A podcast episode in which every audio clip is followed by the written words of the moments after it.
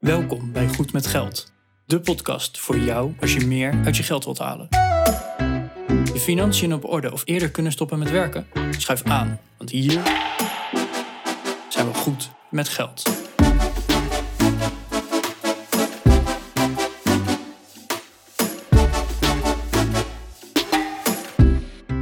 Aflevering 89 van de Goed met Geld podcast. Ik ben Bas. En aan de andere kant zit Arjan. Hey Bas. Goedemorgen Arjan. Ja, goedemorgen. Hey, wij kregen een mailtje van Bram. En uh, Bram die had echt een gigantisch goed idee voor onze podcast. Laten we het nou eens hebben over een van de allereerste leningen die je aangaat. Je studiefinanciering. Ja, het, het heet nog ergens studiefinanciering, maar eigenlijk ja, het, het, is niet eens meer echt een, een, een gift of zo. Het is geen financiering à la, hier heb je geld en ga lekker studeren. Nee, tegenwoordig is daar best nog wel wat, uh, wat om te doen. In het nieuws is dat ook regelmatig geweest van, joh, hey, ja, het wordt omgezet, het wordt geen gift meer, maar het wordt echt een lening en je moet allemaal terug gaan betalen. Hoe zit dat straks uh, met de toekomst van deze studenten? Ja, en dat vonden wij uh, eigenlijk wel een heel goed onderwerp om daar even echt een goede diepduif op te doen. Want ja, hoe zit dat nou? Want ja, bij mij is het ondertussen al een paar jaar geleden dat ik ben afgestudeerd. Dus ook ik moest me even goed inlezen. Hoe, uh, hoe zit het bij jou, Bas? Heb jij geleend of zo uh, tijdens jouw studie? Ja, ook een poosje geleden, maar ik, ik heb wel geleend tijdens de studie. Um, ik kwam daar op een gegeven moment achter dat je eigenlijk gratis kon lenen. Tenminste, tegenwoordig is hij echt gratis, 0,00%. Ik betaalde 0,01%, hoehoe. Um, ik, ik kwam achter dat je dus uh, praktisch gratis kon lenen. En toen dacht ik van ja, dat is wel een. Uh, dat schept mogelijkheden. Nou, jullie uh, luisteraars, jullie kennen mij inmiddels een klein beetje als je vaste luisteraar bent. Ja, mijn, mijn financiële hart ging wat sneller slaan toen ik, toen ik daarachter kwam. En dat was pas in het, in het derde jaar of zo. Dus ik heb uiteindelijk maar iets van anderhalf jaar bijgeleend. Okay. Daar heb ik een buffer mee opgebouwd. Nou, ik kreeg op de bank meer rente dan ik moest betalen. Sterker nog, in het begin betaal je helemaal geen rente. Dus het maakt sowieso niet uit. Maar goed, ik heb op de bank meer rente. Ik heb het geld niet opgemaakt. Ik ben er niet van op vakantie gegaan, niet, uh, ja, niet verbrast. Maar ik heb wel, wel bijgeleend. En op een gegeven moment, ik denk uh, twee jaar terug of zo, heb ik het in één keer allemaal afgelost. Het was niet een heel groot bedrag. En ik had het gewoon nog achter de hand. Uh, gewoon puur om even een buffer op te bouwen. Ik wilde op een gegeven moment een eigen huisje gaan kopen enzovoort. Nou, dat is jaren geleden inmiddels. Maar ja, goed, inmiddels een, een, goede eigen buffer, een beleggingsportefeuille. nou, dat, dat huis dat was er inmiddels al. Dus toen heb ik gewoon gezegd van oké, okay, ik, ik, los hem af. En dat was een... Um, ja, best wel een rare keuze. Want je kan aan de ene kant zeggen van nou, het is, het is gratis geld. En op de beurs verdien je er meer mee. Dus, dus waarom zou je het aflossen? Ik wil dat gedoe gewoon niet meer hebben. Ik wil ja. gewoon geen gezeur van die lening hebben. Klein bedrag, weg ermee. Je financiën versimpelen was voor mij de reden om dat uh, te doen. Maar ik heb dus wel bijgeleend. Oké, nou, beste luisteraar, voor als je voor het eerst nu intuned, hè, omdat je hebt gezocht op Spotify of iTunes naar studiefinanciering. Uh, Bas en ik verschillen nog eens van mening. Bas die, die wil wel eens een beetje een risicootje lopen. Ik ben best wel risico-avers wat dat betreft. Voor onze vaste luisteraar, ja, dit, dit klinkt gewoon weer als muziek in de oren, denk ik. Dit doen we altijd, want ik heb dus niet bijgeleend inderdaad. Ik, uh, ik had dat niet nodig. Ik vond het een beetje onzin om te gaan lenen. Want dat moet je terugbetalen. Dus uh, ik heb inderdaad niet bijgeleend. Ik had dan wel het geluk, ik woonde niet meer thuis. Dus ik kreeg op een gegeven moment de, de basis... dit is al heel lang geleden, dus alleen voor oude mensen maar ik kreeg dus de basisbeurs, een aanvullende beurs, omdat het inkomen van mijn ouders niet heel hoog was. En ik kreeg nog een uitwonende beurs. En dat is uiteindelijk bij mij allemaal omgezet naar een gift. Dus ik heb geen cent terug hoeven betalen. Ik heb alleen netjes mijn diploma gehaald. Maar goed, vandaag gaan we dus even in op die studiefinanciering. Want ja, uh, hoe zit het nu tegenwoordig? Hè? Er, zijn nogal wat regelingen veranderd. En ja, laten we daar maar eens even mee beginnen. Want hè, voordat je gaat studeren, dan weet je eigenlijk al van... oké, ik ga een studiefinanciering aanvragen. Maar waar gebruik je die studiefinanciering nou voor? Nou, vroeger kon je er flink bier van kopen, geloof ik. En dan dacht je van, oh ja, het is toch een gift, laat ik er nog een extra biertje bij nemen. Tegenwoordig is dat wel wat anders, hè. Dat, uh, het, is, het is een lening. En ja, waar gebruik je die dan voor? Bas, heb jij wat, wat suggesties waar onze toekomstige studenten die lening voor gaan gebruiken? Ik denk niet dat het in de, in de letter van de wet staat, maar de geest van de wet of de geest van de regeling is natuurlijk wel dat je deze deze financiering, en of dat dan een gift is of een, of een lening, dat je die gebruikt om te studeren. Nou, dan, uh, dan zou je kunnen argumenteren van ja, maar ik heb bier nodig om te kunnen studeren. Oké, is, is een argument. Ik weet niet of ik daar helemaal achter sta, maar dat zou een argument kunnen zijn. Uh, maar, maar het idee van de studiefinanciering, in, in welke vorm dan ook, is natuurlijk eh, om het studeren mogelijk te maken. In plaats van dat studeren alleen mogelijk is voor kinderen van rijke ouders. Dus dat, ehm, dat vind ik een goede zaak, hè? Dat, dat studeren geen uh, elitefeestje meer is.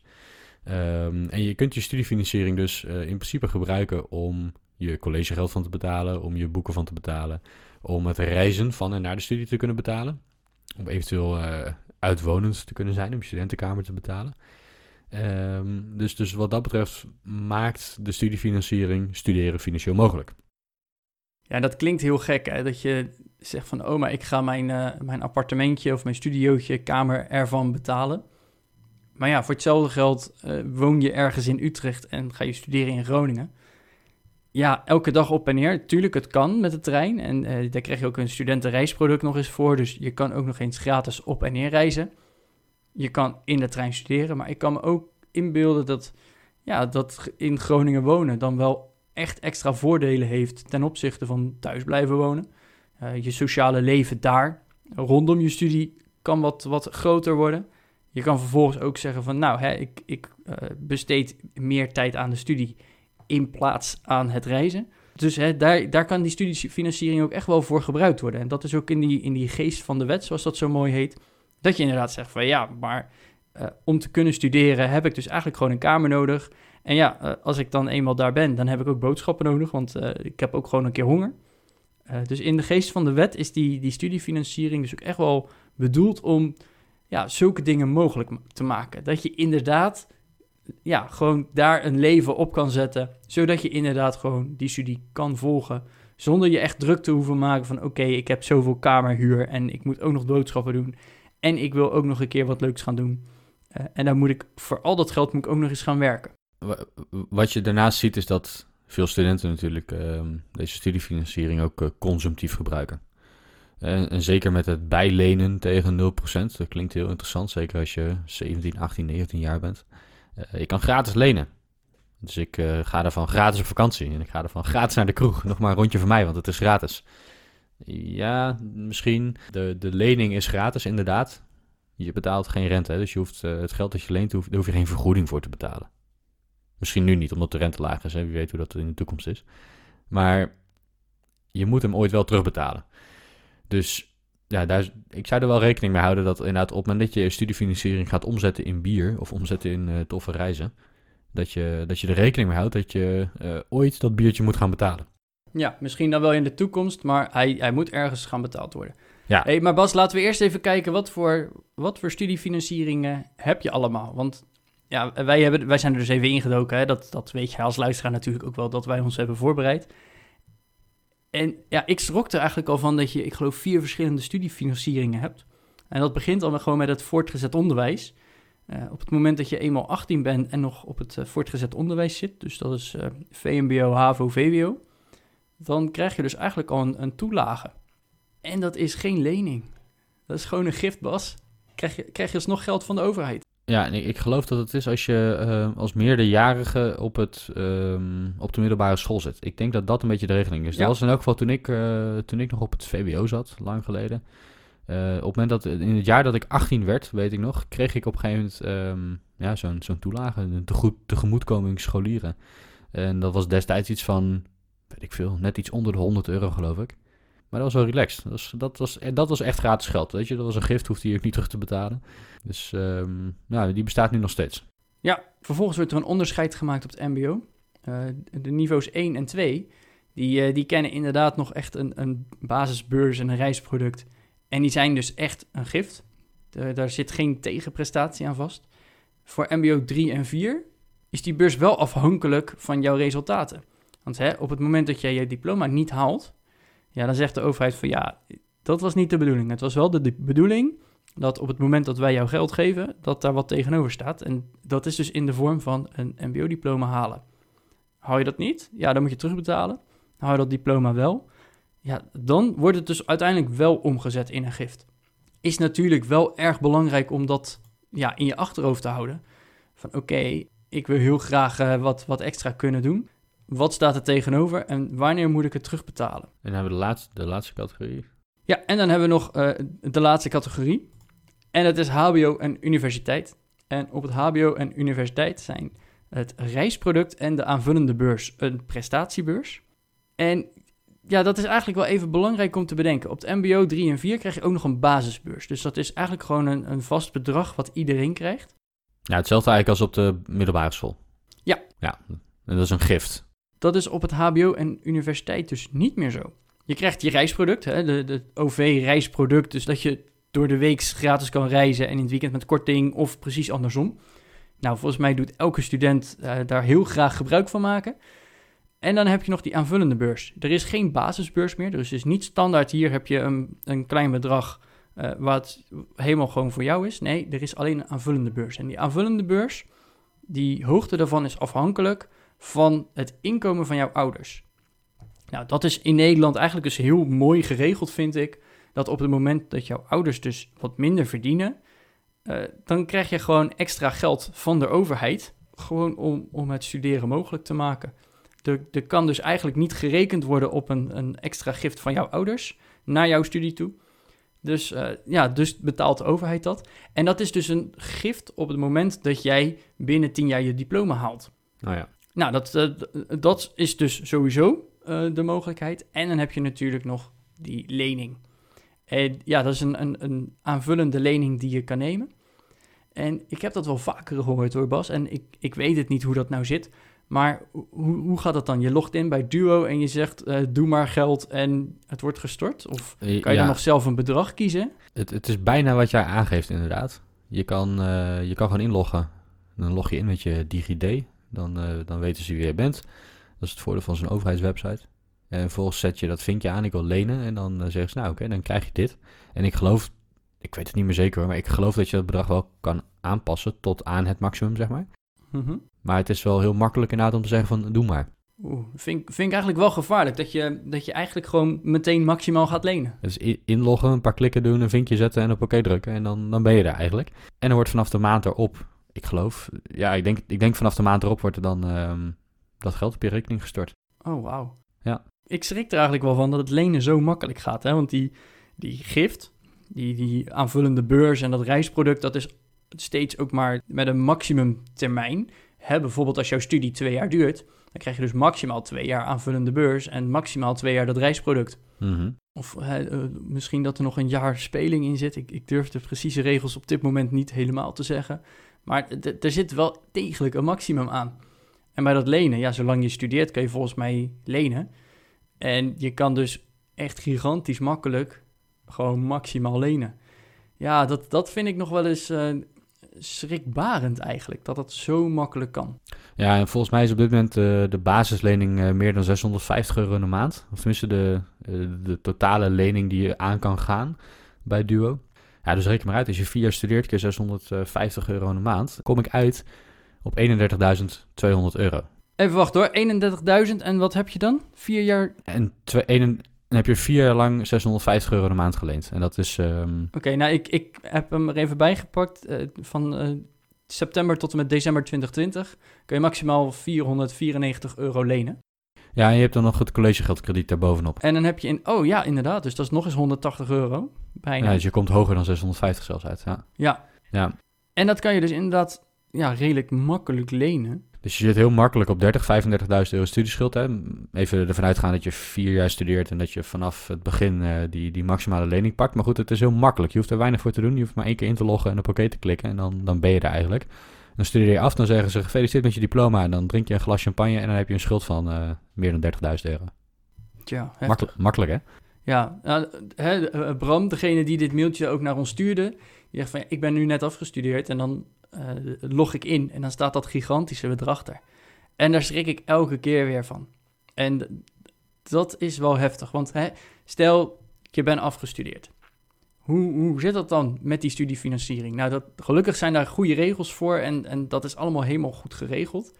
Op het moment dat je klaar bent met je studie, dan komt er eerst de aanloopfase, zoals ze dat noemen. En die begint op 1 januari nadat jij bent afgestudeerd. Dus eh, stel je bent in, uh, in uh, juni ben je klaar met je studie. Dan begint de aanloopfase pas 1 januari daarop. En die aanloopfase duurt twee jaar. En in die twee jaar hoef je niks af te lossen. Alleen de rente gaat berekend worden en die komt er bovenop. Dus uh, nou, op dit moment is die rente 0,00. Dus uh, dat is eigenlijk gewoon niks wat erop op toegevoegd wordt. Maar stel de, de studierente, die, uh, die wordt 1%. Nou, dan gaat dat vanaf die 1 januari lopen. Nou, en dan heb je dus twee jaar, hoef je niks te betalen. Is gewoon even ja, oriënteren op de arbeidsmarkt. Je kan een baan gaan vinden, je kan een huis gaan vinden, je kan ja, gewoon even je leven opstarten. Ik vind dat eigenlijk een heel mooi systeem dat je klaar bent en eerst even je leven op de rails kan krijgen voordat je aan die lening moet gaan denken. Maar ja, ondertussen staat nog steeds wel ergens in je achterhoofd die lening. Hoop ik in ieder geval. Niet dat je even vergeet dat je nog ergens 30.000 euro terug moet betalen. Ja, ik wil niet gaan doen alsof ik uh, echt heel bedrijfseconomisch ben. Geintje ben ik natuurlijk wel. Maar die lening die staat vanaf dat moment wel gewoon op jouw uh, persoonlijke balans. En die gaat er niet meer vanaf totdat je hem terugbetaalt. Dus ook al zeg je van nou, ik uh, kan even een paar jaar afkoelen. Ik ga hem nog even niet terugbetalen. Ik ga er nog even niet aan denken. Hij is er wel. Um, en ik denk dat veel studenten zich dat niet goed beseffen. Nee. En, en dat vinden wij lastig en daarom maken we deze podcast dus ook.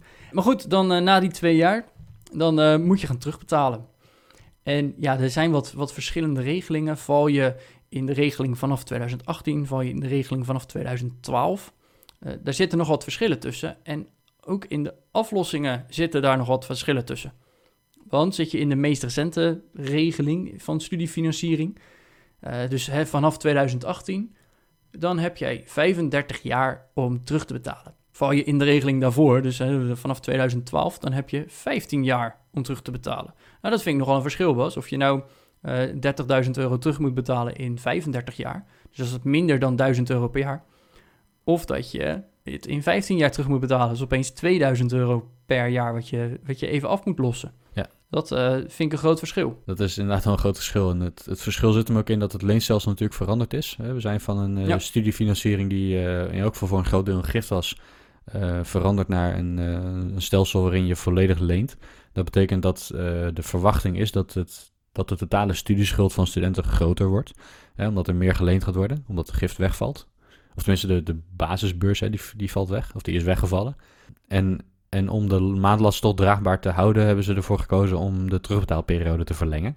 Nou, dat klinkt allemaal heel interessant. Maar ja, het betekent wel gewoon dat als jij, als jij een grotere schuld hebt, dan, dan zit je alsnog met de maandlasten. Ook al mag je er twee keer zo lang of iets meer dan twee keer zo lang over doen. Ja, hey, maar goed, dan, uh, dan uh, is die twee jaar voorbij en dan moet je terug gaan betalen. En dan denk je, oh shit, ik heb eerst twee jaar gereisd en uh, ja, ik heb nog steeds geen baan. Al mijn geld is op. Al mijn geld is op. Wat dan? Nou, gelukkig is het nog steeds een lening die de overheid aan je heeft verstrekt. Dus daar, ook daar zijn weer regels voor. Gelukkig maar.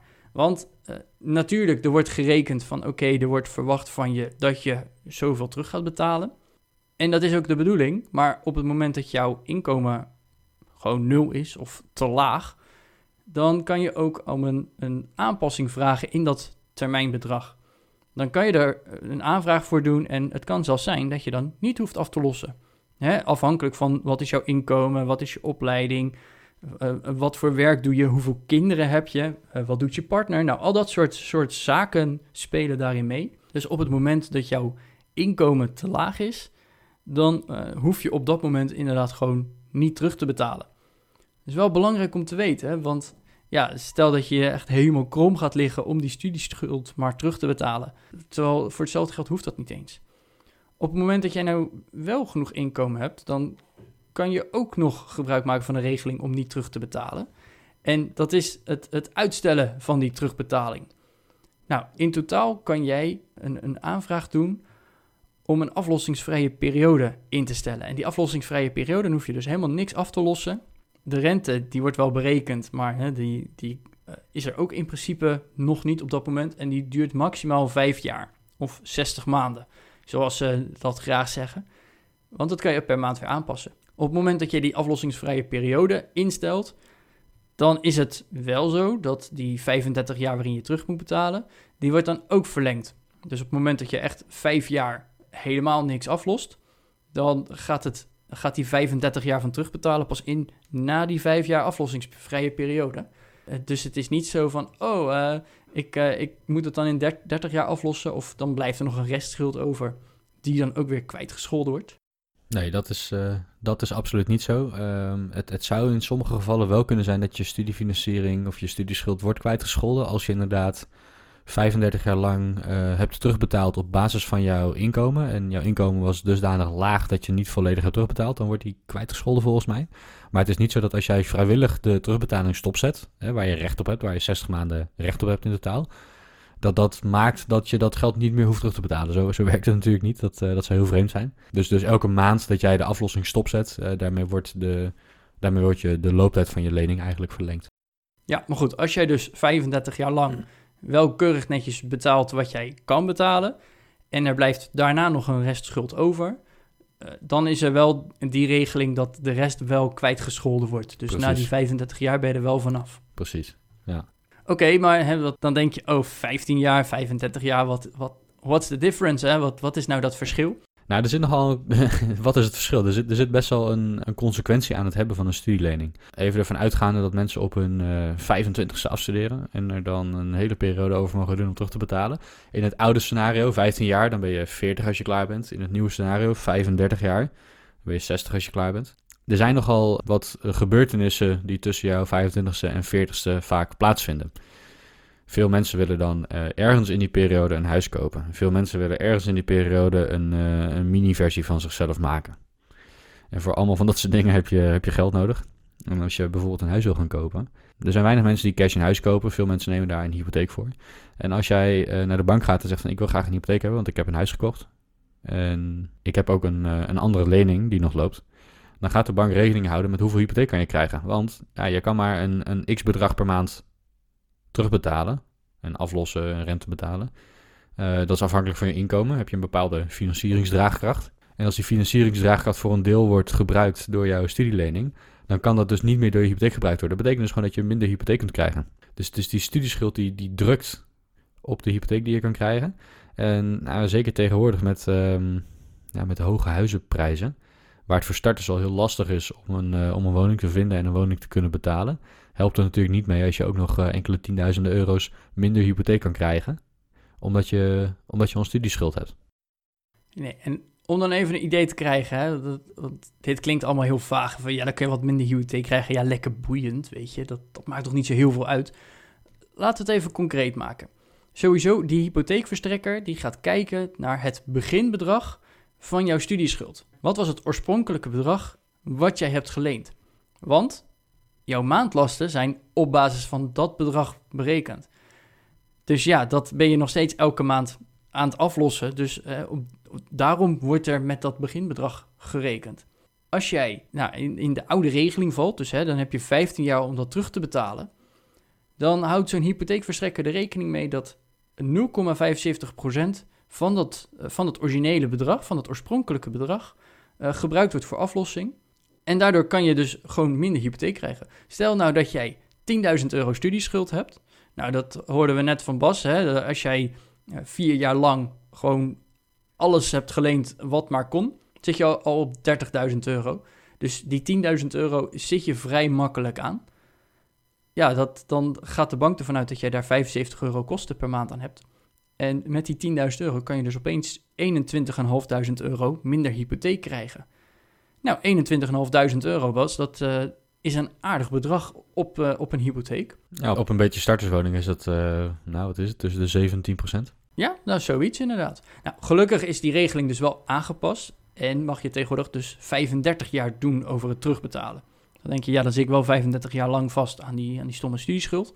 Maar goed, op jouw hypotheek is dat wel een uh, redelijke invloed. Want daarbij gaat zo'n hypotheekverstrekker uit niet van 0,75%, maar van 0,45% aan maandlasten. Dus diezelfde 10.000 euro studieschuld, die uh, levert dan jou 13.000 euro minder hypotheek op.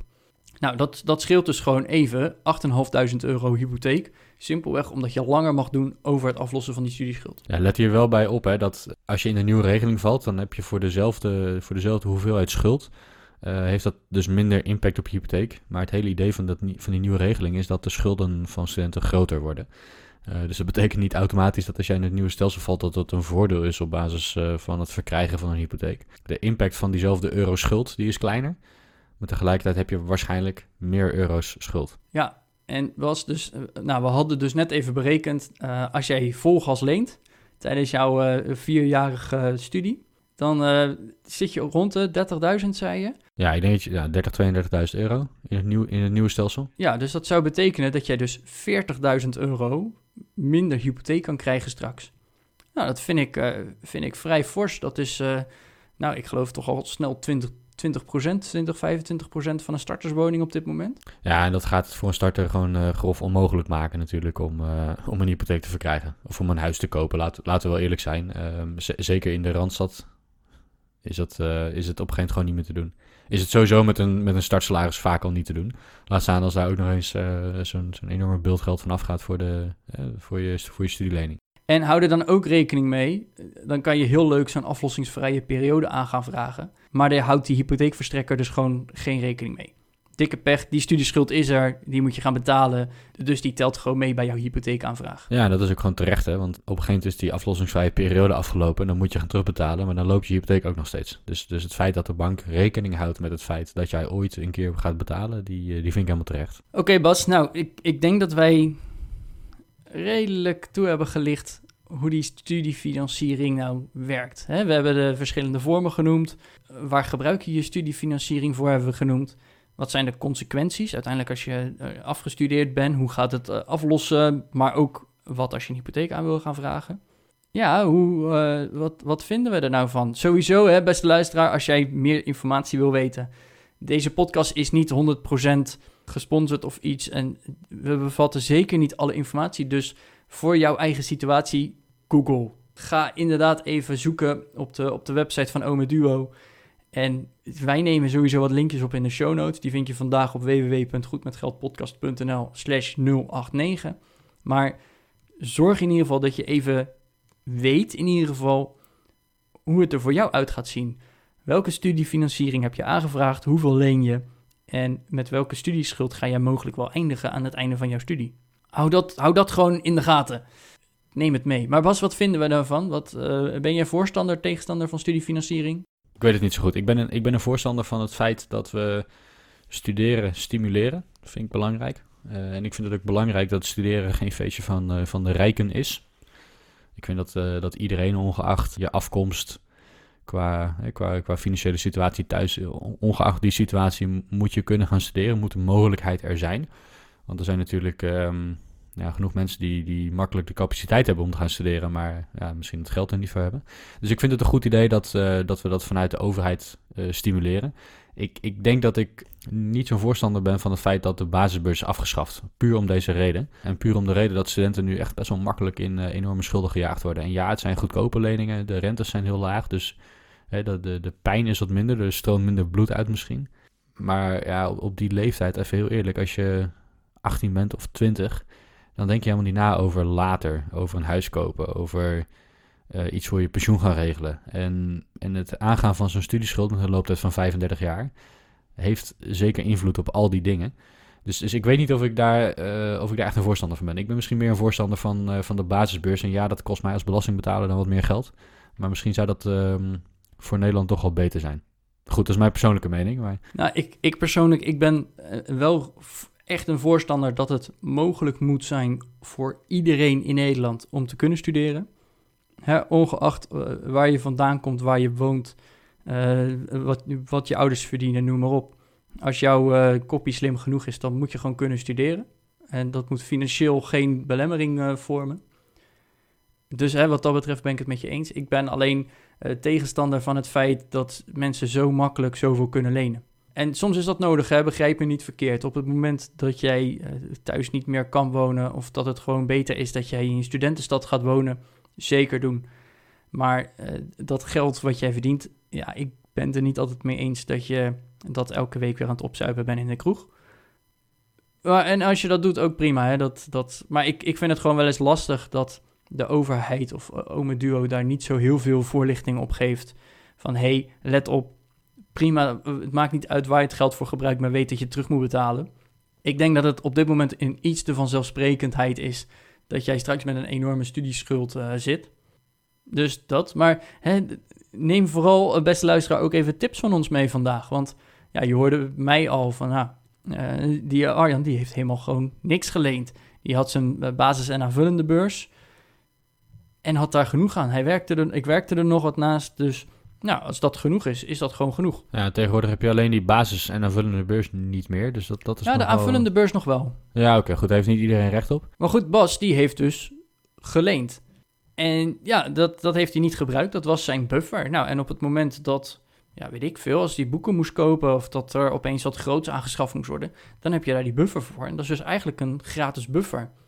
Nou, ik kan me best wel goed indenken dat je zegt van... nou, ik leen twee maanden... Uh, zodat ik een buffer heb en dan stop ik weer met lenen. En op het moment dat ik klaar ben met studeren, dan uh, betaal ik die buffer weer terug. En dan heb ik wel mijn buffer gehad. Heb ik daardoor minder financiële zorgen gehad. En heb ik daardoor wel gewoon een normaler studentenleven kunnen leiden. Ja, dat, dat is zeker een ding. Dat is eigenlijk het laatste wat ik nog even wil zeggen over, de, over die studielening. Is dat er best wel studenten zijn, dat, dat horen wij en dat krijgen we soms in, in reacties op de podcast wel terug. Ja, ik, leen maximaal bij. Ik heb dat geld eigenlijk niet nodig, want ik kan mijn studie betalen van mijn bijbaan. Supergoed, dan, dan ben je gewoon goed bezig in mijn ogen. Um, en, en toch leen je dan maximaal bij. Waarom zou je dat doen? Nou, er zijn een aantal studenten die net, als ik eigenlijk zeggen van ja, dat doe ik omdat ik dan een spaarpotje kan opbouwen. En dat geld dat ik leen, dat zet ik elke maand gewoon opzij op een aparte spaarrekening. Zodat mijn lening en mijn spaarsaldo, die, die lopen gelijk op. Mocht er dan een keer uh, wat aan de hand zijn, dan heb je geld. En dan, dan heb je op dat moment pas eigenlijk de lening tegen, tegen 0% rente. Om, ja, om, om, om zo'n noodgeval op te vangen. Mocht je het niet nodig hebben, kan je het altijd terugbetalen op het moment dat het uh, nodig is. Want je hebt dat geld immers daar gewoon uh, voor gereserveerd staan. Dus op zich, ik denk dat dat... Um, dat is geen advies van mij om maar gewoon uh, maximaal te gaan zitten bijlenen. Dat moet je echt wel zelf bepalen. Maar ik, ik denk dat dat niet eens een heel slecht idee is. Zeker niet als de rente 0% is. Kijk, als de rente 5% is of 10% of weet ik veel hoe hoog die zou kunnen zijn. Uh, dan is het misschien niet de slimste manier om op die manier je buffer op te gaan bouwen. Maar ik kan me wel voorstellen dat bij een rente van 0% dat je denkt van nou, ik heb dat tijdelijk even nodig. Wat je dan wel moet beseffen is dat je uh, een ijzeren discipline nodig hebt om dat geld niet op te gaan zitten maken. Want dan kom je alsnog in dezelfde shit terecht dat je, ja, dat, dat je gewoon geen huis kan kopen. Dat je, weet ik veel, dat je jarenlang uh, gigantische maandlasten erbij krijgt om die lening af te kunnen betalen. Uh, dus je hebt wel een beetje discipline nodig om ook echt van dat geld af te blijven. Maar ja, ik denk dat er wel mogelijkheden zijn. Ja, ik heb zelfs gehoord, Bas, dat studenten wel eens dat ze geld zijn gaan gebruiken om op de beurs te gaan investeren. En dan denk ik wel, oh, dat, dat is echt gigantisch risicovol. Want het kan dus minder geld waard worden. En als er een tip is, is het gaat niet beleggen met geleend geld. Ja, dat, dat vind ik dan wel heel moeilijk. En dat, dat, dat is ook een ethische kwestie natuurlijk van, hey, kan je dat verkopen en, en noem maar op. Daar ben ik echt heel huiverig voor. Dat je, dat je risicovolle dingen gaat doen met jouw studiefinanciering. Ik vraag me af of het echt wel zo risicovol is. Ik, ik zou zeggen dat uh, maximaal bijlenen en dat omzetten in bier, dat dat veel risicovoller is dan maximaal bijlenen en dat omzetten in, um, in een ETF, in een uh, goed gespreid indexfonds. Kijk, zelfs als je alles op de top zou investeren en uh, de volgende week vindt corona plaats en je bent 40% van je geld kwijt, heb je nog steeds 60% over. Als je alles omzet in bier, heb je 0% over. En, en daar komt nog bij dat als je vier jaar lang leent en dat vier jaar lang elke maand belegt, dat geld, dan beleg je per definitie nooit op de top van de markt. Stel dat op het einde van, de, van die vier jaar de corona-crash plaats heeft gevonden, dan heb je in de vier jaar ervoor goedkoper bijgekocht. Dus dan heb je al een stukje marge, heb je al een stukje buffer in je, in je portefeuille zitten. zit, dan zit er al een stuk winst in, uh, voordat die crash plaatsvindt. En ja, dan zal je nog steeds wel onder de nul uitkomen misschien, of onder de, ja, dat, dat je op een stukje verlies komt te staan. Maar ja, je hebt dan nog in elk geval kapitaal achter de hand. Misschien niet het volledige bedrag. Het is niet zo veilig als sparen. Maar aan de andere kant, het, geeft wel een, een, een, potentieel rendement. En, en zeker als het geld dat je aantrekt de 0% kost en je maakt meer dan 0% rendement, dus is de verwachting. Ik, ik, vraag me af hoe risicovol dat is. Kijk, als je denkt van ik ga daarmee uh, in bitcoin handelen en ik ga met allerlei rare beursproducten uh, speculeren. Ja, dan zou je kunnen zeggen van doe dat nou niet, want je bent al je geld kwijt en dan, dan zit je straks inderdaad met de studieschuld. Maar als je dat een beetje slim belegt, ik, ik weet het niet. Ik, ik zou het niet adviseren. Gewoon omdat ik denk dat veel studenten ja, niet de discipline hebben om dat, om dat goed te doen. En ook om dat in, in hele saaie, veil, relatief veilige producten te beleggen. Maar ik denk als, je met, als, als ik de kennis van nu toen had gehad, dan had ik jarenlang maximaal bijgeleend en belegd. Nou, beste student, weet in ieder geval, dit is geen advies. Dit is uh, Bas zijn persoonlijke visie, inderdaad. Maar goed, dat is met de kennis die ik nu heb. Hè. En ik, uh, ik ben inmiddels al jaren, ja, jaren dat, verder. Je bent ja, al tien jaar dus verder, man. Ik, ik, denk, ik denk ook dat je als 18-jarige student die, die kennis misschien niet, niet kan hebben. Ja, je kan het gelezen hebben op blogs en op podcasts gehoord hebben. Maar het, het komt ook met een stukje, uh, een stukje ervaring. Dat je gewoon al een tijdje belegt, weet hoe het werkt. Niet meer de, de onrust hebt van het willen handelen. Maar nee, gewoon elke maand veilig wat wegzetten. En er verder niet meer naar omkijken. Uh, niet in paniek gaan, uh, gaan kopen of verkopen. Dat, dat komt ook als je, als je gewoon al een tijdje belegt. En, en als je dat zou hebben op je achttiende, ja, dan dat zou wel tof zijn. Maar ik denk dat weinig studenten dat hebben, helaas. Inderdaad. Nou, Bas, uh, uh, ik wil nogmaals even aan deze studenten die nu luisteren zeggen... let op, dit is geen advies, lees je altijd even in. Wil je meer weten over jouw eigen studiefinanciering of over jouw eigen situatie... lees je ook echt vooral even in, want het is wel opeens even een lening die je aangaat... en voor je het weet heb je opeens een lening van 30.000 euro. En dat is best wel heel veel geld. Maar goed, vond je deze aflevering leuk? Luister dan vooral even de rest van de afleveringen, want we hebben er nog veel meer, waar we nog heel veel andere gave dingen uitleggen. Um, laat hem ook vooral even weten aan anderen dat we hier een hele aflevering over hebben gemaakt. Wil je ons volgen? Dat kan natuurlijk via alle Spotify en uh, podcast players, verzin het maar. Maar hey Bas, uh, een nieuwtje, scoop, uh, mogen we een trommelgeroffel. We hebben tegenwoordig ook Instagram. We zijn op de gram. Ja, we zijn ook zelfs daar te vinden. Dus we, we gaan helemaal met onze tijd mee. Na anderhalf jaar. en nadat Instagram al tien jaar bestaat, maar goed. Los, ja, da los daarvan, uit. inderdaad. maar goed, uh, volg ons vooral daar ook. Want uh, we gaan natuurlijk niet elke week keurig netjes op Instagram zetten van... hey, we hebben weer een nieuwe podcast online. Nee, natuurlijk hebben we daar ook andere plannen mee. Uh, daarvoor heb je Spotify, dus abonneer je gewoon op Spotify. Dan hoeven we niet op Instagram te zien dat er een nieuwe aflevering online staat. Ja, nee, dus zeker gewoon andere en nieuwe content op Instagram. Dus zeker ook een reden om ons daar te gaan volgen. En uh, ja, verder gewoon uh, tot volgende week. Tot volgende week.